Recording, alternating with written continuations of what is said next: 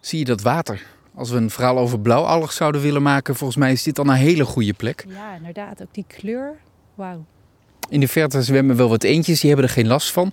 Wij zijn op zoek naar een andere plek en laten dat blauwalg lekker met rust. Dus we lopen nog heel iets door. Moet je onder die takken daardoor. Het is een soort survival wat we aan het doen zijn inmiddels. Zo. Dat gaat goed. Want dit is nou een plek waar de otter zou kunnen voorkomen. Ja, zeker. Ja.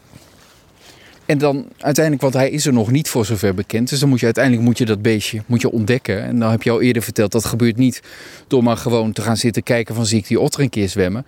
Maar dan gaan jullie heel bewust op zoek naar, naar sporen, hè? Ja, klopt. Dan gaan we dus zoeken naar bijvoorbeeld poep, dus de sprains van de otters. Maar we gaan vooral beginnen met denken vanuit die otter. Als hier een otter komt, die is dan waarschijnlijk in zijn eentje in eerste instantie, waar zou die dan naartoe gaan? Waar komt hij binnen?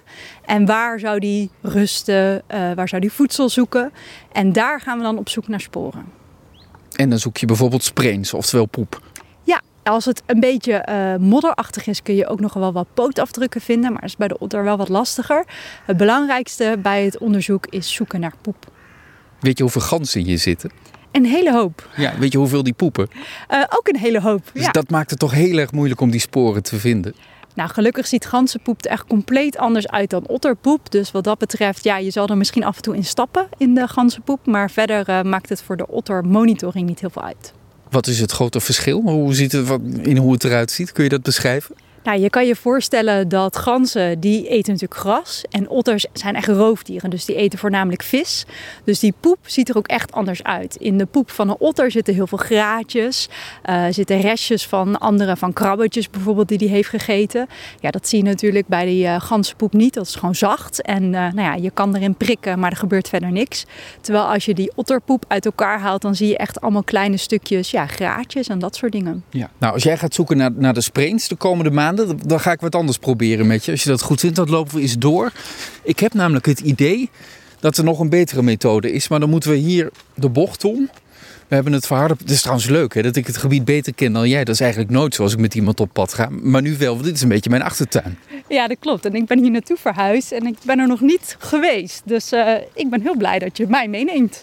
Kijk, dit is ook mooi hè. Als je er doorheen kijkt, dan kijk je over het water heen en dan zie je die, die statige koepel van de, van de oude koepelgevangenis. Ja, dat is toch prachtig dat juist de stad en de natuur, dat kan gewoon bij elkaar leven. En dat zie je hier. Ja, we moeten nog heel iets verder lopen. Ondertussen doen we ook onze eerste ontdekking. Ik ga er zacht van praten, maar dat hoeft eigenlijk niet, hè? Nee, want hij is al dood. Dus uh, ja. je kan hem Een muisje is het. Wat voor muis is het? Ja, het is een spitsmuis. En ik zou even goed naar wat kenmerken moeten kijken of het... Uh, nou ja, waarschijnlijk misschien wel een huisspitsmuis. Je hebt ook nog een bosspitsmuis. Dus ga ik eens even nader onderzoeken. Oh, er gaat nu een vlieg op, dus uh, ik moet snel zijn. Oké, okay, nou laat ik je met rust wel mooi zo'n spits snuitje van het muisje. Even een foto maken. Oké, okay, komen we nog op terug, goed? Ja. Dan hebben we, hebben we een cliffhanger straks. Hmm door een wilgengordijn. Zo, dat even aan de kant.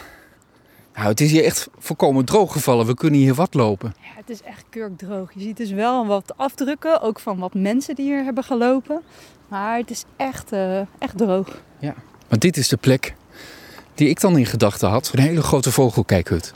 Ideaal, dat heb je goed gedacht. Er zit een dak op. Verder is het vooral uh, roestig, maar er zitten grote kijkgaten in. Oh, er zitten al wat mensen. Gezellig. Hallo. Hallo. Zo, ik moet zeggen, ik ben wel teleurgesteld. Want mijn idee van de vogelkijkhut... Ja, het valt eigenlijk een beetje, beetje in het water omdat het water verdwenen is. Ja, want vogels, uh, die zie je nu hier ook een stuk minder. Wat denk je nu? Geschikt gebied voor de otter of neemt het nu met rassenschreden af? Nou, die droogte, dat helpt niet. Maar gelukkig is die otter, die past zich ook aan. En die heeft natuurlijk niet een gebied alleen maar zo groot als dit. Dus dit is dan een onderdeel van zijn leefgebied. Dus ik zie nog steeds kansen voor de otter. Gelukkig maar. Ja, die vogelkijker die heeft ook het nodige te lijden gehad. Vandalisme, hier een tafeltje in het midden waar je eigenlijk gewoon lekker zou kunnen zitten. Kun je vogels spotten en kaarten tegelijk, maar dit gewoon in brand gestoken. Ja, echt bizar. Ik kan me gewoon niet voorstellen dat mensen dat doen. Ja, nou, Gaan we nog, uh, nog verder kijken hier of zeggen we we laten dit plekje maar even rusten. En we gaan verder kijken op een andere plek. Ja, laten we doorlopen. Genoeg te zien hier.